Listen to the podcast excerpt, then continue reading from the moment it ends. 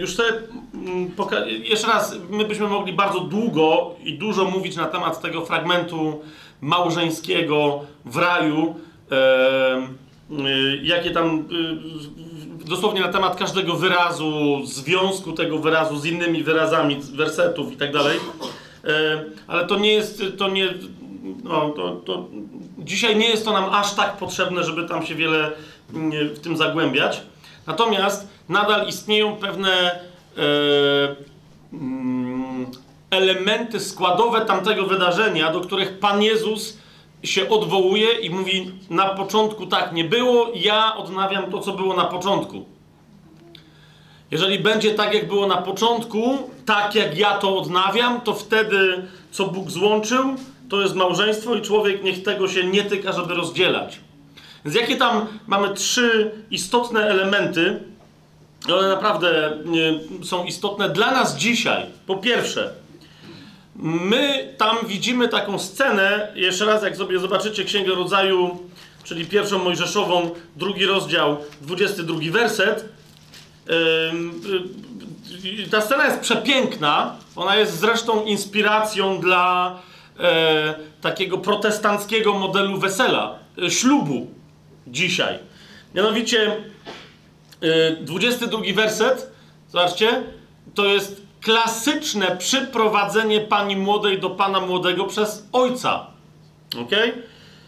Utworzył kobietę i przyprowadził ją do Adama a on ją sobie bierze za żonę. Więc to, wiecie, wprowadzanie e, pani młodej przez jakiegoś mężczyznę, najlepiej, żeby to był jej, jej tato, jest, jest bezpośrednio zaczerpnięte ten obraz stąd. Okay? Ale teraz, y, jakie on ma jeszcze istotniejsze znaczenie? Mianowicie, y, jednym zdaniem bym to wyraził, trzema wyrazami. Bóg jest swatem. I to jest, y, to jest niezwykle dla nas dzisiaj istotne, kiedy szukamy, zwłaszcza dla tych, którzy dopiero się zastanawiają, z kim się ożenić, za kogo wyjść za mąż, czy ten chłopak, czy ta dziewczyna, to jest ta osoba, i tak dalej, i tak. Bóg jest swatem. Ja już cytowałem 1 do Koryntian 7 rozdział 7 werset. Nie, nie tylko sam fakt, że masz powołanie do małżeństwa jest darem od Boga, ale kiedy Bóg cię powołuje do małżeństwa, e, ma też dla ciebie przygotowany dar pod postacią e, potencjalnego przyszłego męża czy, czy przyszłej żony. Okay?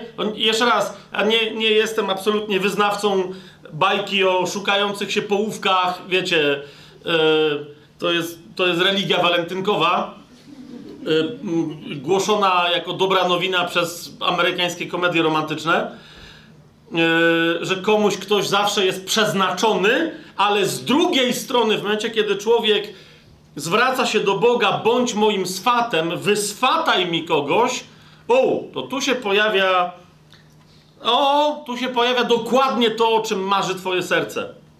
Mam przy sobie książeczkę i będę ją bardzo serdecznie polecać. Jeszcze ją dzisiaj, mam nadzieję, że uda mi się zacytować. E, książkę Dereka Prince'a. Od razu zaznaczam, że nie zgadzam się z jego nauczaniem na temat rozwodów. Ale polecam jego książeczkę, ponieważ w tej książeczce, Bogu niech będą dzięki, uczciwie podszedł do sprawy, że bo książka nazywa się Przymierze Małżeńskie, biblijny sekret trwałego małżeństwa. Biblijny sekret trwałego małżeństwa to jest podtytuł Przymierze Małżeńskie. I całkiem słusznie zauważył, że jak ma mówić o trwałym małżeństwie, to tam będzie rozważać przypadki, kiedy ktoś się może rozwieść. Więc ich w ogóle nie rozważa. I tutaj ma podstawowy punkt wyjścia, mianowicie, że ludzie się łączą, żeby być z sobą przez całe życie, a bez rozważań, czy mogliby się rozejść. Okay? Książka jest fantastyczna również z tego powodu, e, że Derek Prince wydał ją wspólnie ze swoją drugą żoną, ponieważ pierwsza żona umarła. On się z nią nie rozwódł, żeby, żeby nie było. Jego pierwsza żona umarła, a druga żona uznała, że dla niej to jest zaszczyt, pewne historie, o których wie z jego życia, z jego pierwszą żoną, że dla, jej, dla niej to jest zaszczyt wychodzić za mąż za takiego mężczyznę, ale między innymi opowiada tutaj właśnie o tym, jak dla niego Bóg był swatem, gdy chodzi o drugą żonę, czyli o Rut, z tego co, co pamiętam. Mówi, że się zdecydował po śmierci pierwszej żony, mówi, że się poczuł, jakby mu e, śmierć wyrwała wszystkie wnętrzności i dalej jakimś cudem, że żył. I mówi, że po dwóch latach Bóg mu pokazał, że żeby móc osiągnąć jeszcze pewne rzeczy, potrzebuje żony i że on mu da żonę. E, I mówi, że jego pierwsza reakcja była wściekła na zasadzie, no bo ją zobaczył w wizji, a potem się okazało, że ją spotkał w Jerozolimie. I jeszcze bardziej był wściekły na Boga i mówi, Boże, ale ja jej nie kocham. Więc ja nie będę się tak godził, że ty mi jakąś tu kobietę podsuwasz i teraz ja się z nią będę żenił. On był, wiecie, absolutnie w pamięci o swojej pierwszej żonie. Ale mówi, ale okej, okay, ale dam ci szansę, bo ty jesteś swatem. E, no i to właśnie, zostawiam was w napięciu, co tam się wydarzyło, ale to brzmi trochę jakbym reklamował jakiegoś Harlekina teraz, no nie? nie. Ale rzeczywiście historia jest dość poruszająca, jak on... Yy, nie, to nie była miłość od pierwszego wejrzenia, ale to, to była miłość udzielona od jednego momentu, on o tym opowiada, kiedy się poddał woli Bożej e, i po prostu postanowił się trochę tej, tej kobiecie przyjrzeć, jak o tym opowiada, jak głęboką miłością e, ją pokochał. Inna rzecz, że ona potem też mu umarła. Ta, ta druga żona, więc to jest dosyć taka nietypowa historia tego. Skądinąd bardzo dobrego nauczyciela, z którym jeszcze raz powtarzam, jak on potem się wdał w tematy rozwodu, to ja się tam z, tymi, z tym, co wiem, że on nauczał, to się nie zgadzam. Ale, ale ta książka według mnie jest świetna dla tych, którzy zwłaszcza zastanawiają się nad małżeństwem, są już w narzeczeństwie albo są w małżeństwie, ale chcieliby pewne rzeczy pogłębić. E, nie, nie, nieduża, e, malutki format, ma tam sto parędziesiąt stron i jest świetna jest, jest, jest biblijna. Ale jeszcze do niej dzisiaj się odwołam. E, w pewnym sensie w liście do Filipian, jak sobie szybko tam skoczymy w drugim rozdziale, e, między innymi o tym list do Filipian mówi, kiedy powiada, to jest list do Filipian, drugi rozdział, e, trzynasty werset, dobrze mówię? Tak. Z list do Filipian, drugi rozdział, trzynasty werset, gdzie jest powiedziane: Bóg bowiem sprawia w Was i chęć, i wykonanie według Jego upodobania. Albo w innych tłumaczeniach: Bóg bowiem sprawia w Was i pragnienie, i działanie, które są zgodne z Jego wolą. E, I to absolutnie tyczy się także e, związków, również kiedy się komuś wydaje, że jest w związku, w którym się pomylił że mu się coś wydawało, teraz jest w związku i się pomylił i zwrócenie się do Boga, który ci potwierdza, że twój związek małżeński jest związkiem małżeńskim, daje ci prawo więc poproszenia go, żeby on jako swat odbudował twoją miłość małżeńską. Natomiast to jest dlatego tak bardzo istotne. On przychodzi z uzdrowieniem. Nie będę teraz więcej tego rozwijał, bo to nie jest dzisiaj nasz temat, ale to jest niezwykle istotne. Wchodzi w Twój związek małżeński i go odbudowuje. Ten, który jest swatem, jest też strażnikiem autentycznej miłości między Tobą a Twoją żoną, między Tobą a Twoim, e, a twoim mężem. Po drugie, to już słyszeliśmy, e, już widzimy, że Bóg błogosławi. Yy, tu tylko dodam, że błogosławieństwo Boże jest tak potężne do tego, e, co czytałem. E, e, bądźcie płodni, rozmnażajcie się. Pamiętacie, tak? Ktoś mnie kiedyś zapytał, jak o tym mówiłem, że dobra, dobra, to są żydowskie opowieści, a tymczasem my wiemy, że małżeństwo to musi i tak dalej, i tak dalej.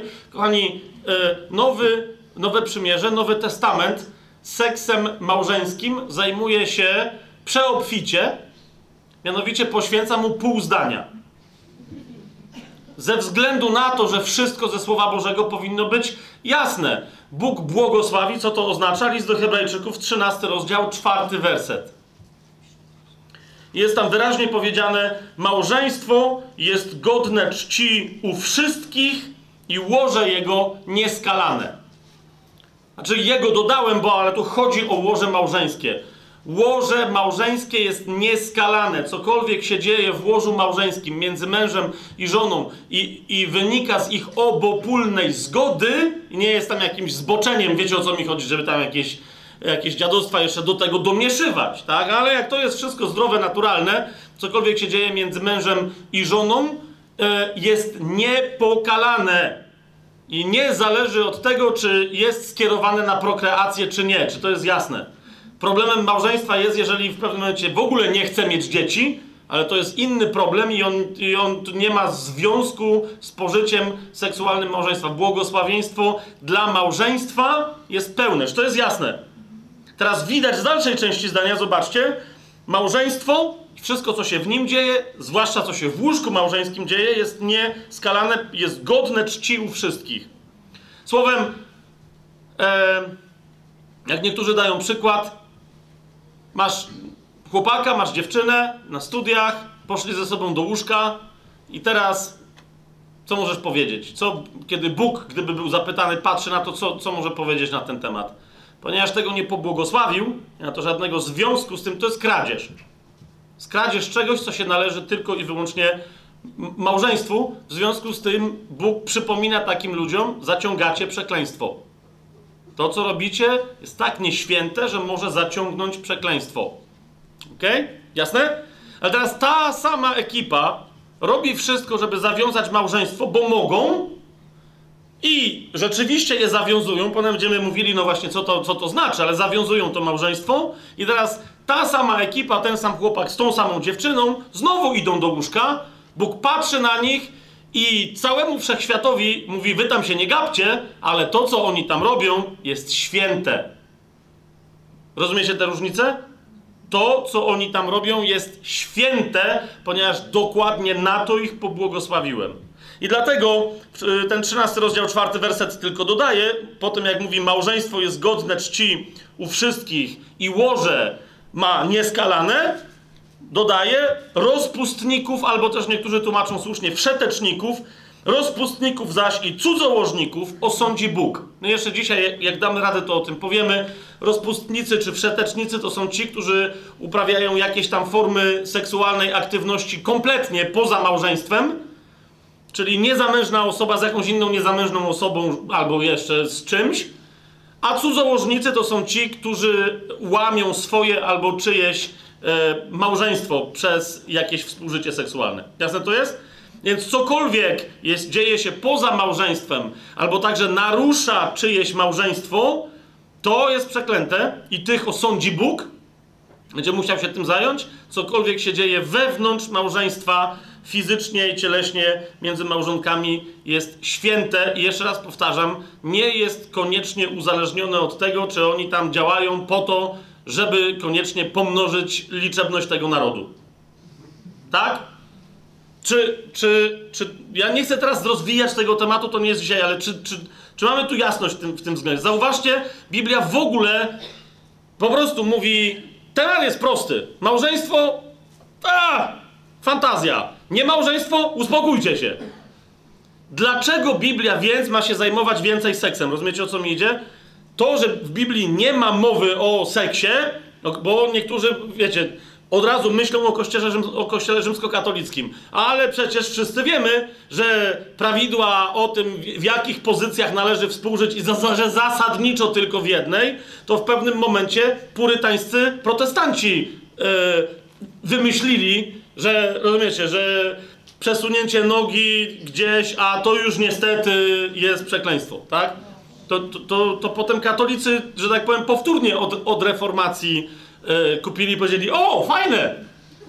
Dobre, dobre.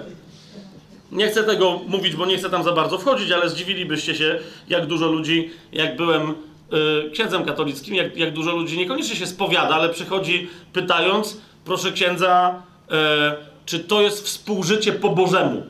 No myślałem, że mnie coś trafi, bo oczywiście przy całej takiej wiecie, że no nie bardzo mogę się wypowiedzieć jeszcze do księdza o co chodzi, więc ja tylko wiedziałem, że zawsze o to chodzi, czy jeżeli to nie była pozycja tak zwana misjonarska, to czy Bóg na. Czy to nie jest grzech, aby czasem?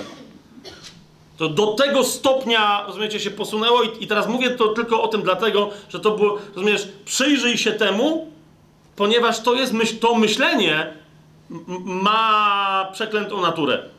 ok? Bo, bo, bo, jeżeli Bóg coś połączył i pobłogosławił, to znowu ty tam nie śmiej włazić, żeby to przeklinać. Jasne? O, jest odpowiedź taka, no, mamy nadzieję, że jasne, ale, ale to jest Polska. Nie? Nie, wiemy, nie wiemy, czy czasem Bóg dla nas nie ustanowił poważniejszych praw. My jesteśmy reprezentantem nowych zasad. Okej. Okay. Mm, teraz bardzo istotna rzecz, to o czym Pan Jezus powiedział, że, że Bóg, e, co Bóg złączył. Otóż w momencie, kiedy mężczyzna bierze sobie żonę, a żona bierze sobie męża, w momencie, kiedy oni robią to, co mają zrobić, oczekują, że Bóg będzie, uważajcie, świadkiem i Bóg jest świadkiem, ale że od tej pory Bóg też będzie strażnikiem ich małżeństwa i co więcej, że będzie spoiwem tego małżeństwa. Dlatego Pan Jezus mówi, co Bóg złączył, niech człowiek nie tyka myśląc, że rozłączy, bo to nie jest w ogóle ta siła. Okay? To nie my utrzymujemy na siłę swoje małżeństwa, ale mamy prawo spodziewać się, że On będzie spoiwem tego naszego y, małżeństwa. Jeszcze raz, Księga, y, Księga Rodzaju, drugi rozdział, 24 werset. My nie możemy czegoś takiego zrobić, ale Bóg może. Opuści mężczyzna swojego ojca i swoją matkę i połączy się ze swoją żoną i będą jednym ciałem. Wiem, że są nauczania, które oznaczają, że żeby było małżeństwo, mężczyzna musi odbyć stosunek seksualny z kobietą i oni wtedy się połączyli i są jednym ciałem, no i to jest takie...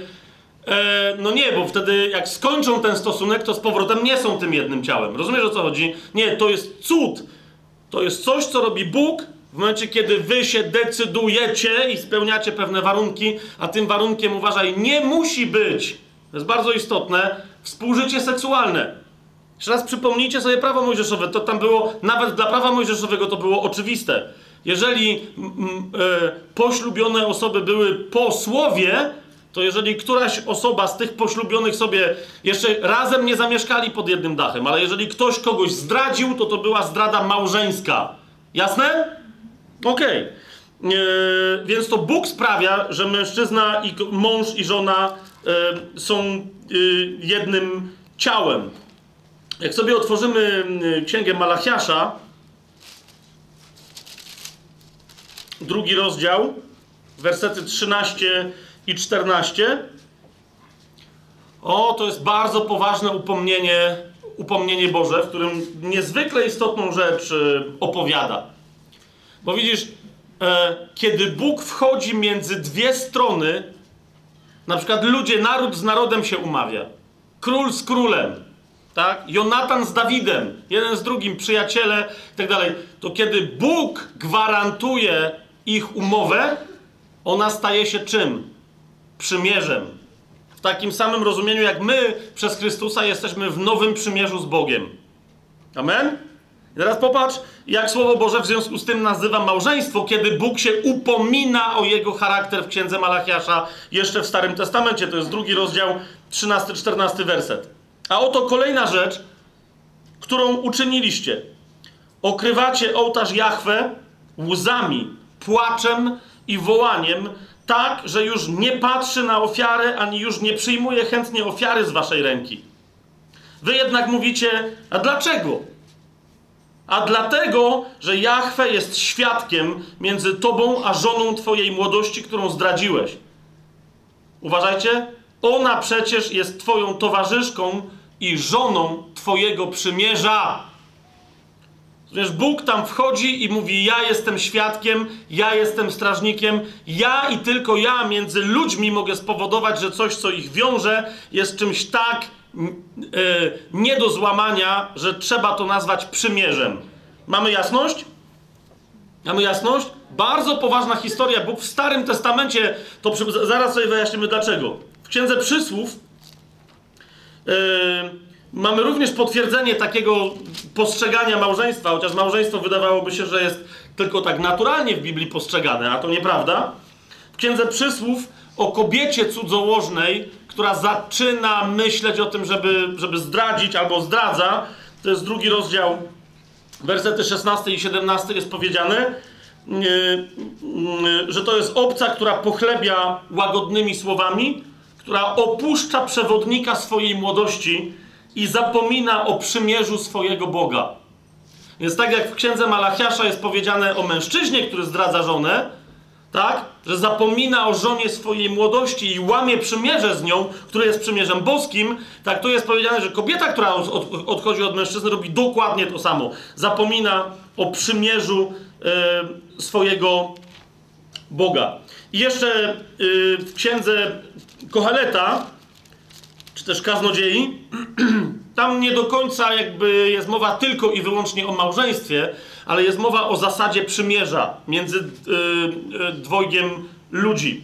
I ona się tyczy zwłaszcza małżeństwa w tym kontekście. Zobaczcie, to jest czwarty rozdział Księgi Kaznodziei, albo Koheleta, jak tam, yy, jakie tam tłumaczenie macie. Dziewiąty werset i dalej. Lepiej jest dwóm niż jednemu. W niektórych tłumaczeniach będziecie mieli lepiej jest dwóm osobom niż jednej, gdyż mają dobry pożytek ze swojej pracy. Jeżeli bowiem jedna osoba upadnie, to druga podniesie swojego towarzysza. Ale biada samotnemu, gdy upadnie, bo nie ma drugiego, który by go podniósł. Także jeżeli dwoje ludzi śpi razem, grzeją się wzajemnie, a jeden jakże się ogrzeje. I teraz uważajcie na to, dwunasty werset. A jeżeli ktoś przemoże jednego, to we dwoje stawią mu czoła, a potrójny sznur nie rozerwie się już tak łatwo. Otóż małżeństwo jest właśnie takim rodzajem przymierza. To nie jest podwójny, ale potrójny sznur. I tym, co stanowi o sile tego sznura, jest świadek, którym jest Jahwe. Czy to jest jasne? Okej, okay, idziemy dalej, bo tu nie mam czasu się y, y, bawić w jeszcze większe szczegóły, ale myślę, że to jest wystarczające, żeby zobaczyć, że Słowo Boże widzi do końca Starego Testamentu małżeństwo jako przymierze gwarantowane, jeżeli jest właściwie zawarte przez Jahwe. I teraz uważajcie, co to znaczy, że małżeństwo jest właściwie zawarte? Czyli co to znaczy, co Bóg złączył? Co Bóg łączy? Po pierwsze, małżeństwo musi być związkiem dobrowolnym i samodzielnym. Taki był od początku Boży plan. Co to znaczy yy, dobrowolnym? No, widzicie, przyprowadza yy, cudowną dziewczynę do Adama Bóg, ale oni się na siebie decydują. Okay? Później ta zasada jest świetnie wyrażona w księdze Amosa, e, w wielu innych miejscach, ale w księdze Amosa mi się najbardziej spodobała. To jest trzeci rozdział Amosa, trzeci werset. A jest pytanie, które jest pytaniem retorycznym zadane przez proroka Amosa. Czy dwóch, albo też dwoje, można przetłumaczyć, czy dwoje może chodzić razem, jeżeli się nie zgadzają? Tak? Tu, tutaj chodzi o wspólną wyprawę i tak dalej, i tak dalej. To, to jest to. Nie, nie ma, wtedy nie możesz mówić, że oni są dwoje, to wtedy idą dwie osoby, każda sobie coś tam robi. Ale to, to, to, tam nie ma żadnej społeczności. Więc to jest związek, który jest dobrowolny. I druga bardzo istotna rzecz to jest związek, który musi być samodzielny, a samodzielność musi zademonstrować mężczyzna. Teraz nie będę tego rozwijał, to jest, to jest jeden z aspektów tajemnicy, mianowicie, że kiedy już mężczyzna i kobieta zawiążą małżeństwo, zasadniczo o sukcesie tego małżeństwa decyduje kobieta, a nie mężczyzna. Ja wiem, że powiedziałem teraz coś dziwnego, mimo że mężczyzna jest głową. No i właśnie na tym polega jego problem. Ponieważ jeżeli kobieta, no, która skoro nie jest głową, to, głową to, to jest ciałem, jeżeli kobieta nie zechce podnieść głowy w miejsce, gdzie głowa powinna się znajdować, to głowa może chcieć, co chce. Rozumiecie, o co mi idzie? E, ale nie będę teraz tego, między, stąd między innymi mamy takie genialne fragmenty jak opowieść o dzielnej niewieście w Księdze Przysłów, a nie mamy genialnych opowieści o, o dzielnym mężczyźnie, o, o dzielnym mężu, tak? Z opowieść o dzielnej żonie.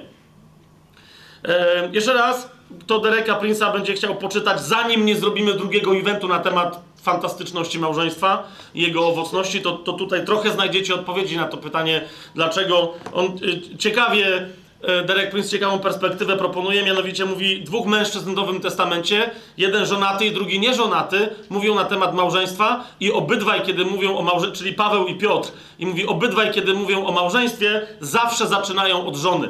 Niezależnie od tego, co potem mówią od mężu, z, o mężu, zawsze zaczynają od żony, a Piotr jeszcze e, ostrzega mężów, że niezależnie od tego, co, jaką funkcję im Pan Bóg przeznaczył, je, jeżeli niewłaściwie traktują żonę, to niech zapomną w ogóle o normalnych, naturalnych rzeczach w życiu, ich modlitwy będą wstrzymane. Sprawdźcie, o czym mówi Piotr. Jeżeli mąż, a tam jest powiedziane, co to znaczy, że ma właściwie traktować żonę, tak? Yy, znów, ja dzisiaj nie, to nie jest ten temat, ale kochani, naprawdę tak jest, że sukcesem kobiety, która jest mężatką w życiu, jest jej mąż.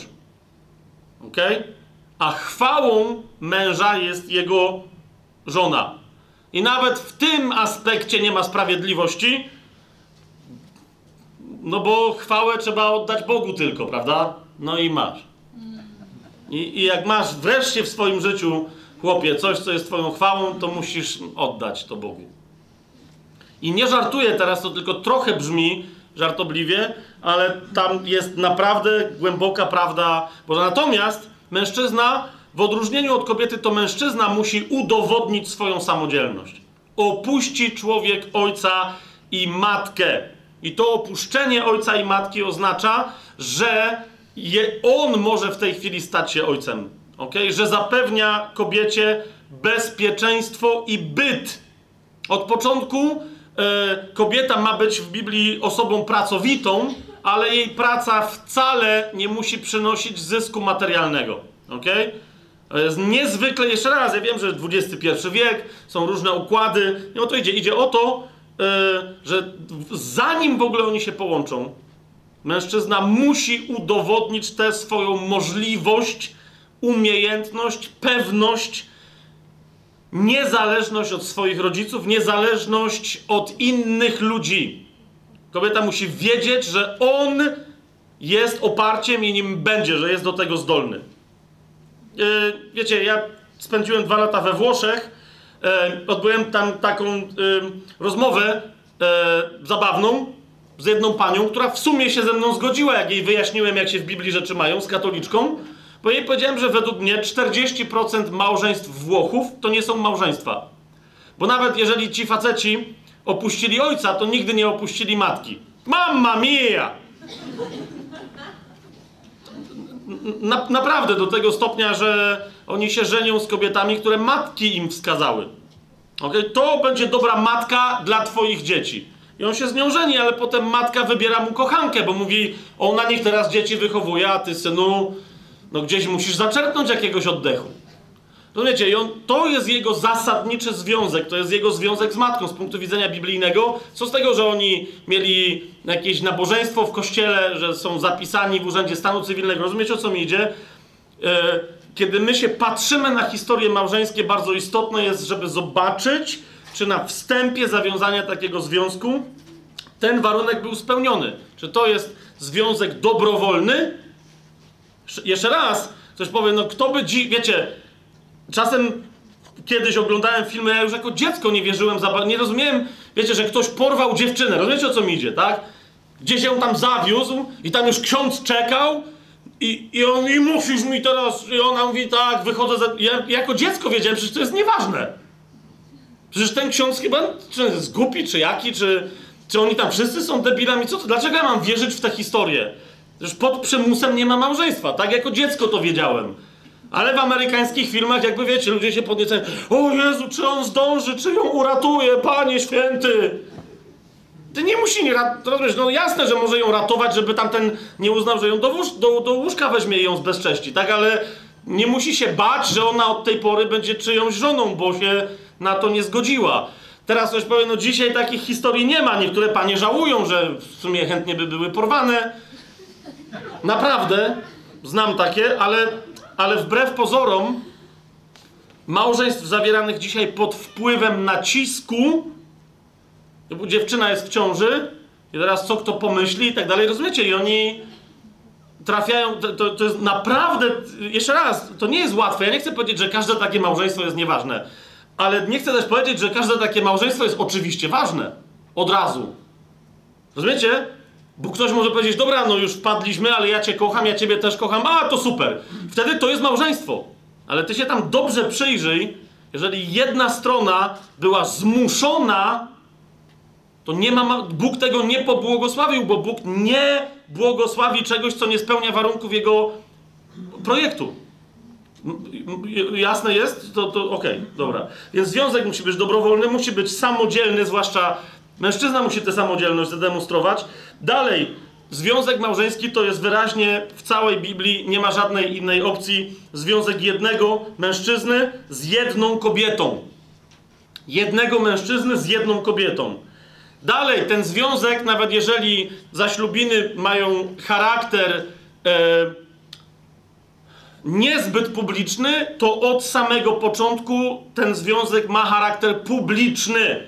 Kiedy nie było żadnego innego człowieka, świadkiem, o czym Słowo Boże pocytowałem, wyraźnie mówi, świadkiem jest sam Bóg małżeństwa nie, pierwszych rodziców. Więc nie ma małżeństwa od początku w Biblii, które jest zawierane jakoś prywatnie, potajemnie i nikt nie wie o co chodzi. Nie ma czegoś takiego. Małżeństwo zawsze jest publiczne, dlatego potrzebuje świadków do upływu. Nie musi być, wiecie, wesele powinno być rozgłoszone, bo od tego jest weselem, ale ślub od początku, ślubowanie, związanie się z mężem, męża z żoną i żony z mężem ma charakter publiczny. Dalej, i to jest bardzo istotne, skoro małżeństwo jest małżeństwem jednym ciałem, to jedyne, co może w oryginalnym planie Bożym rozwiązać to małżeństwo, to jest śmierć ciała. Ok? Tam będziemy dyskutować na ten temat. Siódmy rozdział listu do Rzymian. Już żeśmy cytowali. Co prawda, Paweł tam podaje y, tę sytuację tylko jako pewien przykład swojej myśli, ponieważ jemu tam chodzi o, o inną kwestię, ale siódmy rozdział listu do Rzymian Drugi werset. Zamężna kobieta bowiem, dopóki mąż żyje, jest z nim związana prawem, a jeżeli mąż umrze, zostaje uwolniona od prawa męża. W pierwszym liście do Koryntian Paweł powiada w siódmym rozdziale, w 39 wersecie, i tam już mówi bezpośrednio o małżeństwie, a nie posługuje się przykładem małżeństwa dla jakichś tam innych celów. Mówi bezpośrednio o małżeństwie. Żona jest związana prawem, dopóki żyje jej mąż. Jeżeli mąż umrze, wolno jej wyjść za kogo chce, byle w Panu. Ale to jest to, ok? To yy, Paweł powtarza tylko rzecz oczywistą, yy, oczywistą w Starym yy, Przymierzu. Niektórzy powiadają, no ale przecież Mojżesz tam pozwalał się rozwodzić i tak dalej, i tak dalej. Jak sobie otworzymy Księgę Przysłów, nie bardzo na przykład Salomon chciał występować przeciwko prawu mojżeszowemu, ale, ale jako, będąc mądrym, potrafił napisać: Ja wiem, co mamy w prawie, ale sam Salomon puszcza oko. Kiedyś przyjdzie gość, który powie śmiało: Od początku tak nie było, ale ja też wam puszczam oko i mówię: Ej, przecież wszyscy wiemy, że od początku tak nie było. To jest Księga Przysłów, piąty rozdział, piętnasty werset. Eee, Salomon y, mówi tam tak, 15 werset i dalej, mówi pij wodę z własnego zdroju i wody płynące z twojego źródła. To znaczy, miej swoją żonę i z nią miej dzieci. Niech rozproszą się twoje źródła, a po ulicach strumienie wód. Tu chodzi o dzieci. I dalej mówi tak. Niech należą tylko do ciebie, a nie do obcych wraz z tobą. Niech twój zdrój będzie błogosławiony i ciesz się żoną Twojej młodości. A więc z tą, którym, z tą, która była Twoją pierwszą żoną, kiedy, z którą się ożeniłeś, kiedy byłeś jeszcze, jeszcze młody. Niech Twój zdrój będzie błogosławiony i ciesz się żoną Twojej młodości. Niech będzie jak wdzięczna łania i rozkoszna sarna. Niech jej piersi zawsze Cię nasycają. Nieustannie zachwycaj się jej miłością. Dwa bardzo ważne słowa w hebrajskim, one są jeszcze mocniejsze. Zawsze i nieustannie. Co znaczy zawsze? No potem Biblia mówi, aż dopóki nie umrzesz. Tak? Dlaczego, synu mój, masz zachwycać się obcą kobietą i obejmować piersi cudzej? Więc, więc on wie, nie, on się nie, nie, nie kłóci z prawem, bo wie, żeby przegrał, ale mówi, no ja wiem, co tam jest napisane, ale ty zawsze i nieustannie. I wróćmy znowu do kaznodziei. Ten sam autor w dziewiątym rozdziale, w dziewiątym wersecie, y, jeszcze raz, on mówi, że ja wiem, co jest napisane w prawie, bo mi chodziło o to, żeby zacytować kogoś, kto jest już pod prawem mojżeszowym. Ale mówi tak. Ciesz się, to jest dziewiąty rozdział Kaznodziei albo Koheleta, Dziewiąty werset. Ciesz się życiem z żoną, którą ukochałeś, jak, uważajcie, po wszystkie dni swojego marnego życia, jakie dał ci Bóg pod słońcem, po wszystkie dni swojej marności. Jest tu napisane, że do śmierci? Jest i to jeszcze jak zabawnie.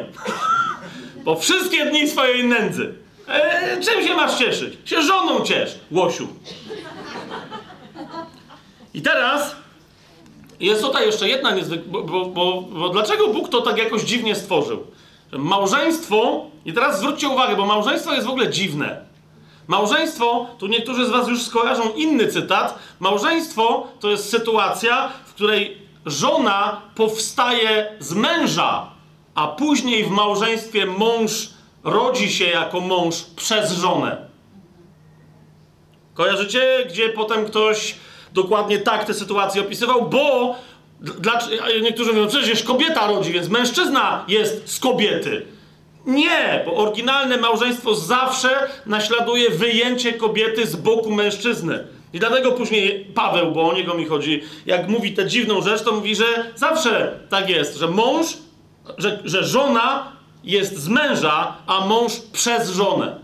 Co to oznacza, to, to będzie później, ale idzie mi o to, że to jest niezwykle istotne i zaraz więcej yy, yy, o tym powiemy, bo to nas przyprowadzi do, do tego, co my dzisiaj przeżywamy i co dzisiaj jest dla nas istotne, ale małżeństwo właśnie z tego powodu od samego początku było pomyślane jako proroctwo czegoś, co Bóg zamierzył, a co dopiero miał wykonać jego Mesjasz. Małżeństwa cielesne, więc mężczyzn i kobiet miały być znakiem małżeństwa Mesjasza.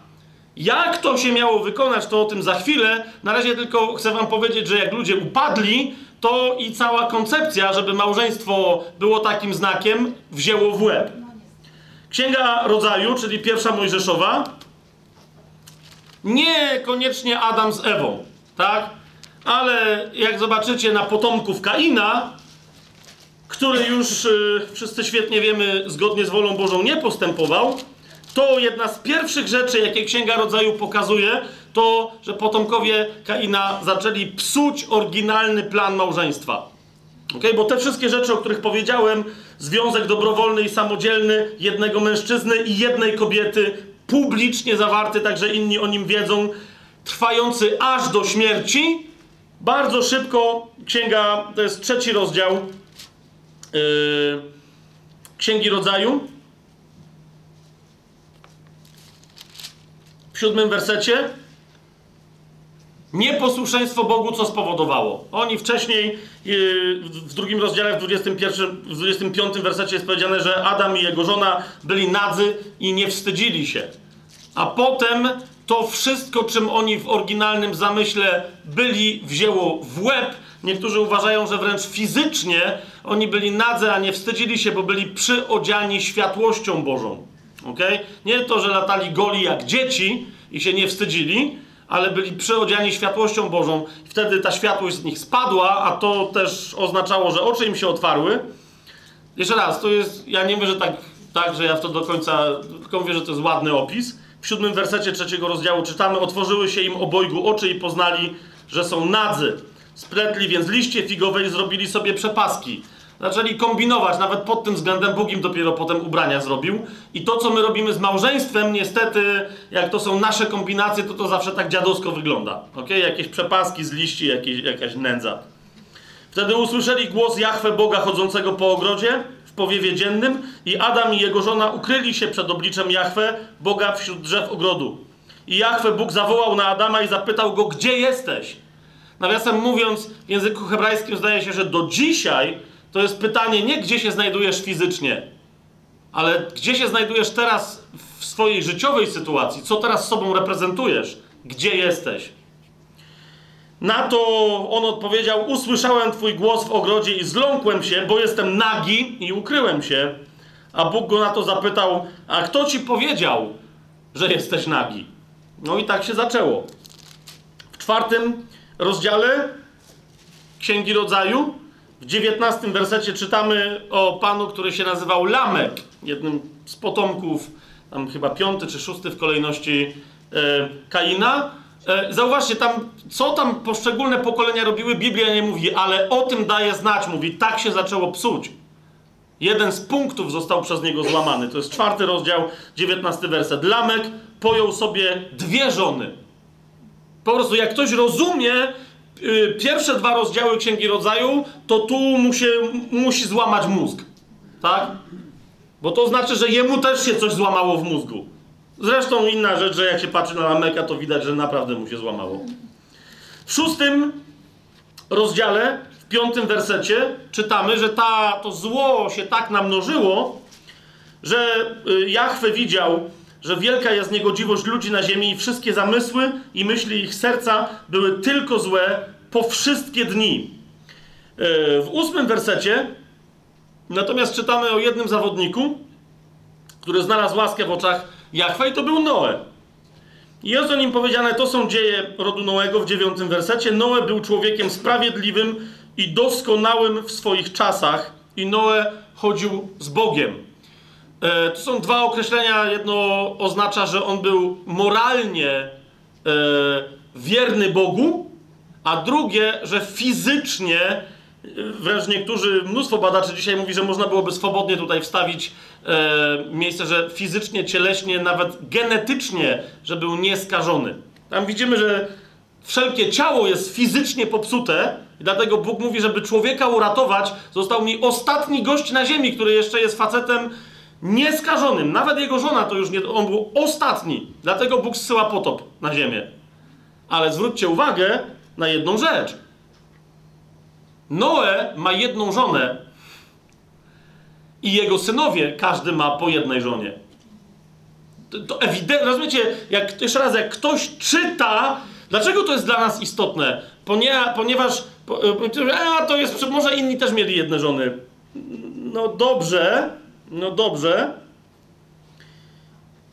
Osiemnasty werset tego szóstego rozdziału mówi: Z tobą zawrę moje przymierze i wejdziesz do arki. Ty i twoi synowie, i twoja żona, i żony twoich synów z tobą. Widzicie, dla Boga to jest istotne. A zawarcie przymierza, zauważcie dziewiąty rozdział, pierwszy werset. Bóg ich traktuje, małżeństwo Noego, nie jego samego, ale małżeństwo Noego i małżeństwa jego synów, jako nowe stworzenie po potopie. Dziewiąty rozdział, pierwszy werset. Bóg błogosławił Noego i jego synów i powiedział im: bądźcie płodni i rozmnażajcie się i napełniajcie ziemię. Widzicie o co chodzi? To nie jest bez znaczenia, że Biblia mówi, że Noe miał jedną żonę. Jak jest powiedziane, że został ostatni sprawiedliwy, znaczy, że cała reszta się poplątała. Jeszcze raz, my się musimy delikatnie przyglądać rzeczom, ale gdziekolwiek wpuścimy bez rozwagi krople jeden tylko z warunków prawa Bożego co do małżeństwa nadruszymy tak jak lamek, to ta zaraza będzie się rozchodzić i na końcu prawie nikt się nie ostanie, kto, kto by w jakiś sposób nie zawinił. Znaczy, my się patrzymy dzisiaj na świat i mówimy, to jest świat rozwiązły, cudzołożny i grzeszny. A, ja to mówię teraz z bólem, ale jak popatrz, kto z was zna Kościół, biblijnie wierzących ludzi, ewangelicznie wierzących, ewangelicznie wyznających ludzi? Chcecie mi powiedzieć, że my yy, ja teraz biorę odpowiedzialność za całe ciało Chrystusa, w tym sensie ewangelicznie wierzące, na zachodzie. Nie biorę, nie znam sprawy z Azją, z Afryką, nie znam, ale Europa, Ameryka Północna są mi już teraz dość dobrze znane. I widziałem dane. Myślicie, że yy, procentowość lekkiego podchodzenia do rozwodów w kościołach ewangelicznie wierzących się różni czymś od świata? Albo się nie różni, albo na przykład w Stanach Zjednoczonych niektórzy po prostu z przerażeniem to stwierdzają. Ludzie z większą łatwością rozchodzą się w kościołach, które śmią twierdzić, że są ewangelicznie wierzące, niż to wygląda normalnie w ich społeczeństwie, które się do Jezusa nie przyznaje. Więc jeszcze raz mówię, jeszcze raz mówię, potrzebujemy bardzo jeżeli, jeżeli mamy reprezentować krzyż Chrystusa i to ma być nasze centrum i chcemy znać tylko ukrzyżowanego i nikogo więcej, to bardzo potrzebujemy e, wiedzieć, co się tu dzieje. Amen? prawo mojżeszowe, jeszcze raz, wiele w całej tej kwestii nie pomogło,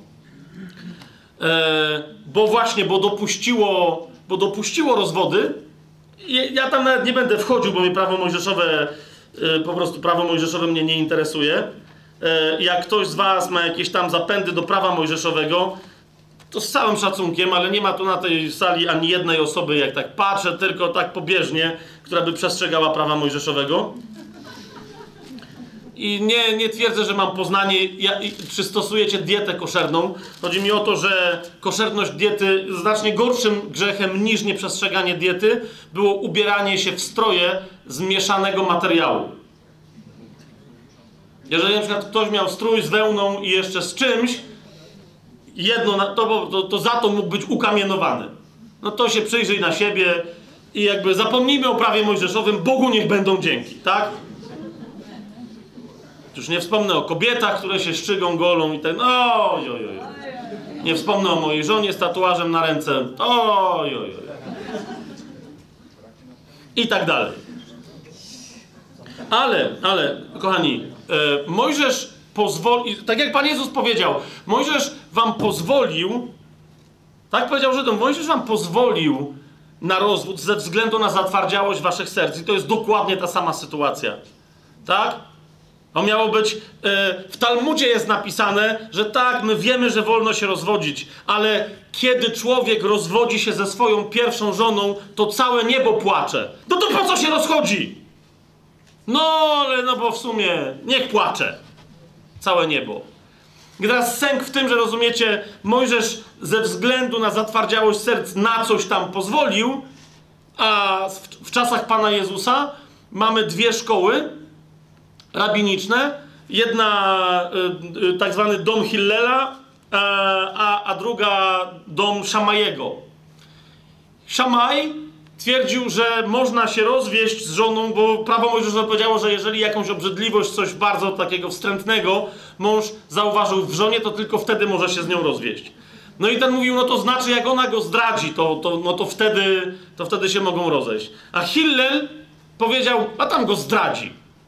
Jak jajecznicę przypali, to przecież jest obrzydliwa i wtedy też ją może. Dlatego oni, rozumiecie, przyszli do Jezusa i się go pytają. De facto to, to tak brzmi pytanie. Jesteś za Szamaim czy za Hillelem?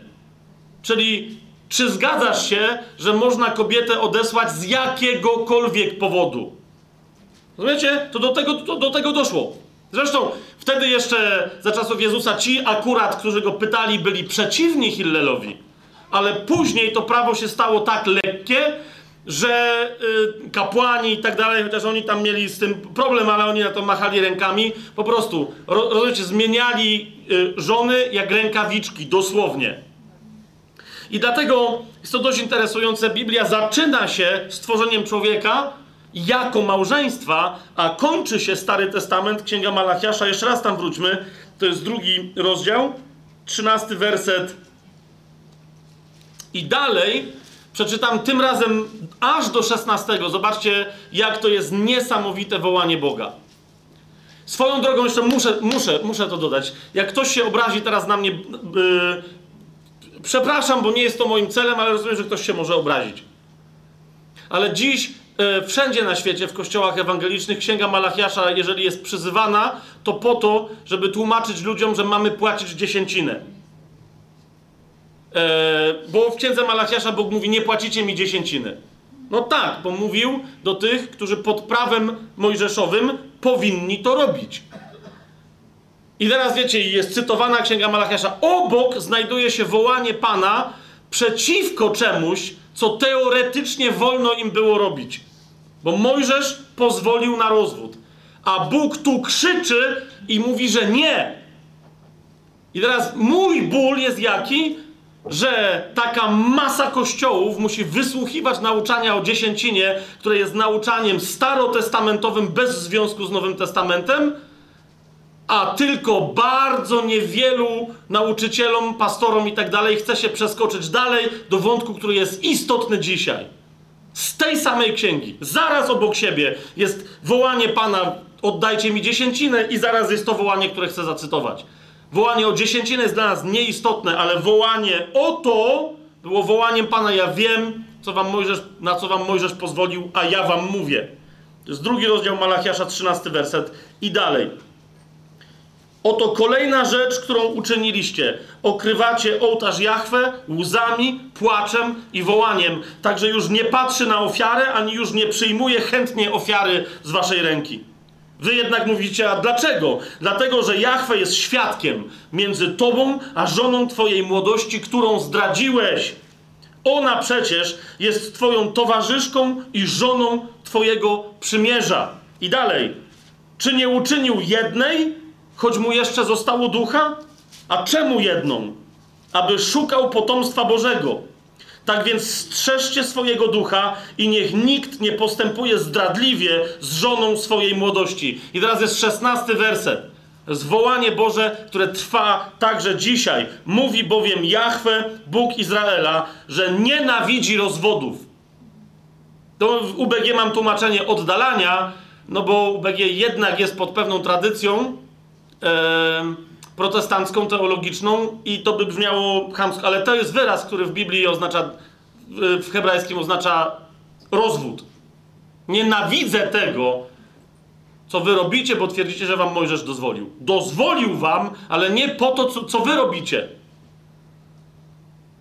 Mówi bowiem Jahwe, Bóg Izraela, że nienawidzi rozwodów, nienawidzi oddalania, gdyż ten, kto to robi, okrywa swoim płaszczem okrucieństwo, mówi Jahwe zastępów. Tak więc strzeżcie swojego ducha i nie postępujcie zdradliwie. Niektórzy też tłumaczą to miejsce, nie postępujcie zdradziecko. Teraz, zanim pójdziemy dalej, bo już widzę, że, że nawet we mnie serce zadrżało, jeszcze raz, e, kto różne historie przeżył, nie, jeszcze raz, w imieniu Jezusa Chrystusa, wszelkiemu duchowi religijnemu, duchowi potępienia, samopotępienia i oskarżenia teraz zamykam usta.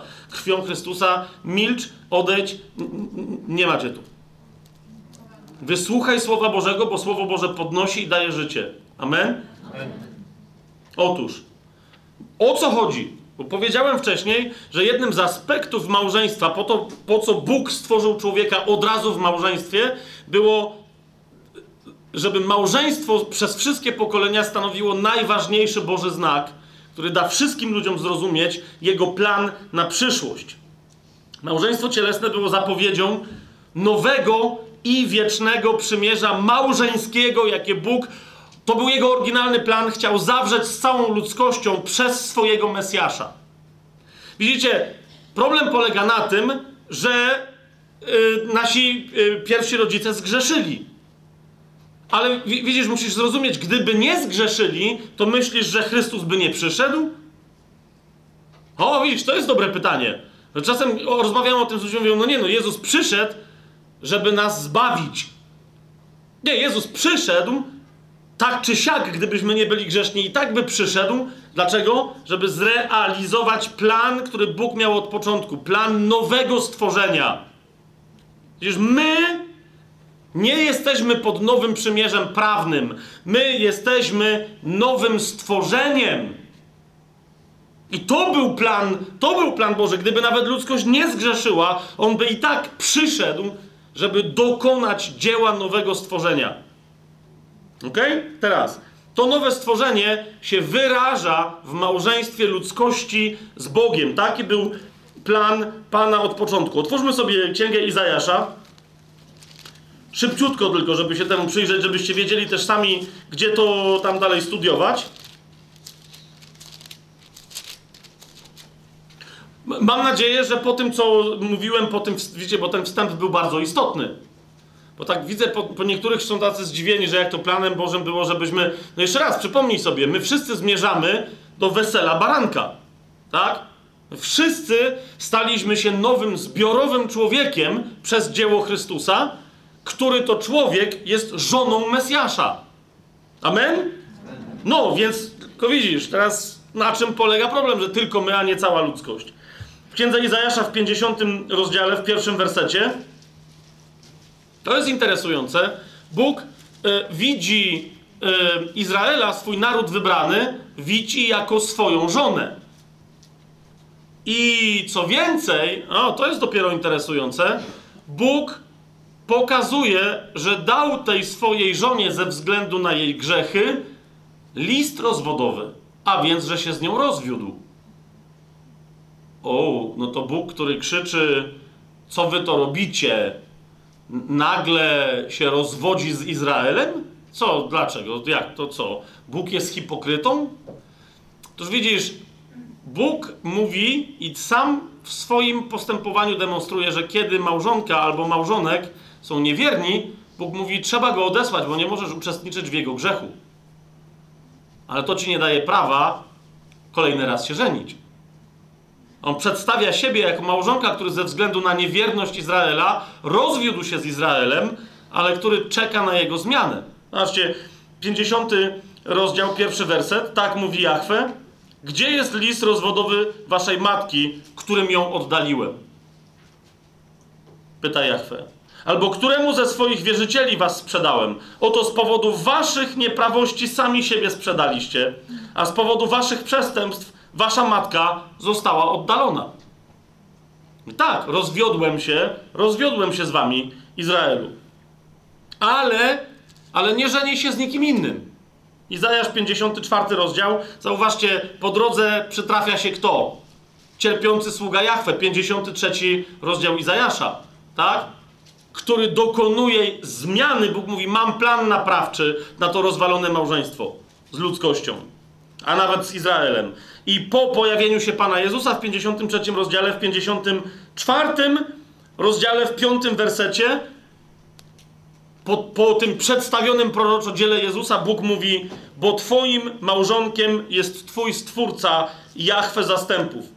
To jest Jego imię. A Twoim odkupicielem jest święty Izraela. Będzie nazywany Bogiem całej ziemi. Jahwe bowiem powołał Cię jako żonę opuszczoną i przygnębioną na duchu, jak młodą żonę, gdy była porzucona, mówi Twój Bóg.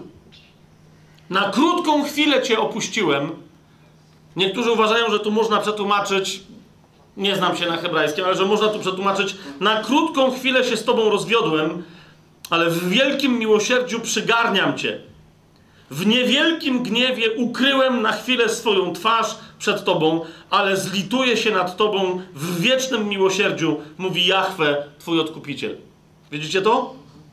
Rozwodzi się, ale nie znajduje sobie nowej małżonki, rozwodzi się dla dobra tej, z którą się rozwodzi, po to, żeby ona się nawróciła. I stąd w Izajaszu idziemy dalej w 62 rozdziale, w drugim wersecie i dalej. Jest ten przecudowny fragment, niezwykle poetycki, ale też jaki romantyczny. Mówi Pan tam, i ujrzą narody Twoją sprawiedliwość i wszyscy królowie Twoją chwałę i nazwą cię nowym imieniem, które usta Jahwe ustalą. I będziesz koroną chwały w ręku Jahwe i królewskim diademem w ręce Twojego Boga.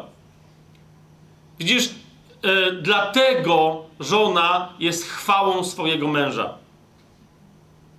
Tak? Bo w tym związku mężczyzna reprezentuje rolę Bożą. Ale zauważ, jaka to jest reprezentacja. Bóg mówi: Będziesz koroną chwały w ręku Jachwę, królewskim diademem w ręce Twojego Boga. Nie będą Cię więcej zwać opuszczoną albo rozwódką. Nie będą Cię więcej zwać opuszczoną, ani Twoja ziemia nie będzie więcej nazwana spustoszoną lub też splugawioną. E, w prawie mojżeszowym było powiedziane, że kiedy kobieta dostała list rozwodowy i została e, oddalona przez swojego męża, jeżeli znalazła sobie innego męża, bo miała prawo, ale potem ten drugi mąż też by ją zostawił, to gdyby ten pierwszy mąż nawet nie znalazł sobie innej żony i by chciał się z nią połączyć i ona by chciała do niego wrócić, prawo mówi, nie można tak zrobić, bo już ją splugawiłeś. Nie mogła wrócić do pierwszego męża. Po prostu nie. Widzicie, jak kulawe było prawo mojżeszowe pod tym względem. Bóg, Mojżesz pozwolił, ale powiedział: Zobaczcie, co robicie. Tak nie powinno być. A Bóg mówi, ale, ale więc mój rozwód jest inny. Mój rozwód jest tylko separacją dla naprawienia mojej niewiernej żony. Nie będą cię więcej zwać opuszczoną, ani twoja ziemia nie będzie więcej nazywana spustoszoną, ale ty będziesz nazywana Hefsiba. a twoja ziemia Beula, bo Jahwe ma w tobie upodobanie i twoja ziemia będzie poślubiona. I tam y, dalej w piątym wersecie, jak bowiem młodzieniec poślubia dziewicę, tak twoi synowie cię poślubią i jak oblubieniec raduje się z oblubienicy, tak twój Bóg będzie się radować z ciebie. Widzicie, co się dzieje, kiedy Jan Chrzciciel mówi o Jezusie, że to jest oblubieniec, który ma swoją oblubienicę? On, on a, nie, wiem, czy on sobie zdaje sprawę, ale, ale, ale zdradza naturę boską Jezusa. Tak? Bo on ewidentnie do takich fragmentów, do tego zwłaszcza fragmentu się, się odwołuje. Poślubię cię na nowo, mówi Jahwe. Jeszcze raz, jeszcze raz, my mamy tego jasną zapowiedź, 21 rozdział yy, Księgi Objawienia, 9 i 10 werset. Chodź tutaj, pokażę ci panią młodą, małżonkę baranka. I dziesiąty werset. I przeniósł mnie w duchu na górę wielką i wysoką i pokazał mi wielkie miasto, święte Jeruszalaim, stępujące z nieba. Święte, nie starą Jerozolimę, ale nową Jerozo Jerozolimę stępującą z nieba. Amen? W księdze Jeremiasza, bo Jeremiasz to jest hardkorowiec, i on e, jeszcze bardziej tam uderza w tematykę tego rodzaju, jeszcze bardziej naprawdę hardkorowo, surowo. W trzecim rozdziale, w pierwszym wersecie e, Księgi Jeremiasza czytamy, jest powiedziane, jeżeli mąż oddali swoją żonę, a ona odejdzie od niego i stanie się żoną innego, czy on jeszcze do niej wróci? Czy ta ziemia nie byłaby wielce splugawiona? Tutaj Jeremiasz się odwołuje do prawa mojżeszowego, do tego, o czym wam właśnie mówiłem. Tak? I on powiada, ale ty uprawiałaś nierząd z wieloma kochankami. A więc on mówi, nie tylko mnie zdradziłaś, jesteś prostytutką. I mówi, jednak powróć do mnie, mówi Jahwe. Nie zostawiacie. Księdze Powtórzonego Prawa, y, jakbyście chcieli to sobie sprawdzić, to jest Księga Powtórzonego Prawa, czyli piąta Mojżeszowa, to jest 24 rozdział. Tak, to jest 24 rozdział od pierwszego wersetu, tam, tam macie dokładnie tak to prawo wyrażone. Jeżeli mężczyzna poślubi kobietę i zostanie jej mężem, a potem zdarzy się, że nie znajdzie ona upodobania w jego oczach, gdyż, gdyż znalazł u niej coś nieprzyzwoitego, wtedy wypisze jej list rozwodowy, wręczy go jej i odprawi ją ze swojego domu. A gdy ona opuści jego dom, może wyjść za mąż za innego. A jeżeli drugi mąż ją znienawidzi, wypisze jej list rozwodowy, wręczy go jej i odprawi ją ze swojego domu, albo jeżeli umrze ten drugi mąż, który pojął ją za żonę, to ten pierwszy mąż, który ją odprawił, nie będzie mógł powtórnie pojąć jej za żonę, gdyż jest ona splugawiona. Wiecie, to było prawo mojżeszowe. I jeszcze raz, Księga Jeremiasza, trzeci rozdział, pierwszy wers, werset. Pan mówi, Pan mówi do swojego narodu: Jesteś splugawiony, a ja cię i tak chcę z powrotem. Wy, jako ludzie, nie umieliście sobie poradzić, nie umiecie sobie poradzić ze splugawieniem, ale ja umiem. W tym samym trzecim rozdziale, w ósmym wersecie, zobaczcie. I widziałem, gdy z powodu nierządu odstępczyni Izrael oddaliłem ją i dałem jej list rozwodowy, żeby to było jasne. To jest rozwód, który bierze Bóg. I on mówi: Jeżeli Bóg to robi, to znaczy, że to jest etyczne, tak? A więc mówi: Ja się rozwodzę, oddalam cię. Bo nie będę z tobą współuczestniczyć w twoim przeteczeństwie. A więc mówi, oddaliłem ją i dałem jej list rozwodowy. Jej zdradliwa siostra Juda nie ulękła się, ale poszła i również uprawiała nierząd. Ok. I potem mamy 14 i 15 werset, zobacz, do tego narodu, który dostał od Boga list rozwodowy. Pan mówi, nawróćcie się synowie odstępczy, mówi Jahwe, bo ja jestem waszym małżonkiem i przyjmę was po jednym z miasta i po dwóch z każdego rodu i zaprowadzę was do Syjonu. I dam wam pasterzy według mojego serca i będą was paść umiejętnie i roztropnie. A więc mówi, wróćcie. I temat tego powrotu w księdze Jeremiasza tak się rozwija, że dociera do miejsca ogłoszenia tego, w czym my żyjemy. Dlatego ja o tym mówię. 31 rozdział.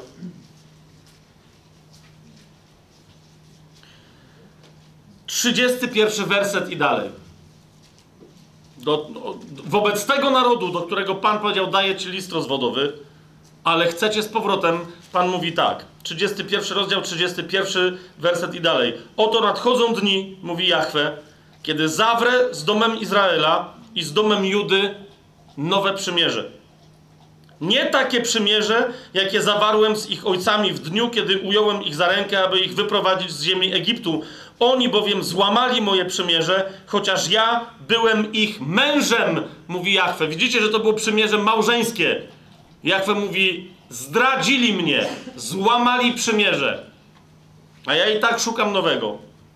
Ale takie będzie przymierze, które zawrę z domem Izraela po tych dniach, mówi Jachwę. Włożę moje prawo w ich wnętrzu i wypiszę je na ich sercach. I będę ich Bogiem, a oni będą moim ludem. I nikt nie będzie już uczył swojego bliźniego, ani nikt swojego brata, mówiąc poznaj Jachwę, bo wszyscy będą mnie znali, od najmniejszego aż do największego z nich, mówi Jachwę. Przebaczę bowiem ich nieprawość, a ich grzechów nigdy więcej nie wspomnę. Gdyż to jest stworzenie nowego, wiecznego przymierza małżeńskiego. Mamy jasność tutaj w tej kwestii, czy, czy, dalej musimy to kontynuować? Bo to wiecie, tych fragmentów jest mnóstwo, a to nie, nie stanowi żadnej tutaj kwintesencji. Chcę tylko na to zwrócić uwagę. Otóż Bóg posłał swojego syna, uważaj, żeby dokonać nowego stworzenia, które zrealizowało zapowiedź z pierwszego stworzenia. Po prostu. I dlatego Chrystus jest nazywany nowym Adamem.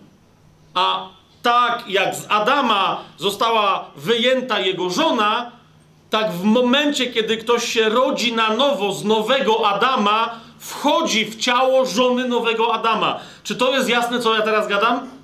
Widzicie to? To jest, teraz, yy, popatrzcie, tylko bo nie, nie chcę wszystkich tych tematów dotykać, ale pierwszy do Koryntian, żeby to było E, bo mowa o nowym Adamie jest w wielu miejscach, ale pierwszy do Koryntian mówi o tym fantastycznie. Z pierwszy do Koryntian, 15 rozdział, 45 werset, powiedzmy, i dalej. Słowo Boże mówi tak. Tak też jest napisane. Stał się pierwszy człowiek, Adam, duszą żyjącą. Pamiętacie, cytowaliśmy ten fragment. To jest z pierwszego rozdziału Księgi Rodzaju, tak? A o Panu Jezusie co jest powiedziane? Że, czyli pierwszy człowiek jest duszą żyjącą, a ostatni, Adam, duchem ożywiającym. To jest nowy Adam. Jeżeli to jest nowy Adam, to w nim się dokonuje nowe stworzenie. I to jest temat, który my cały czas mamy w Biblii nowe stworzenie.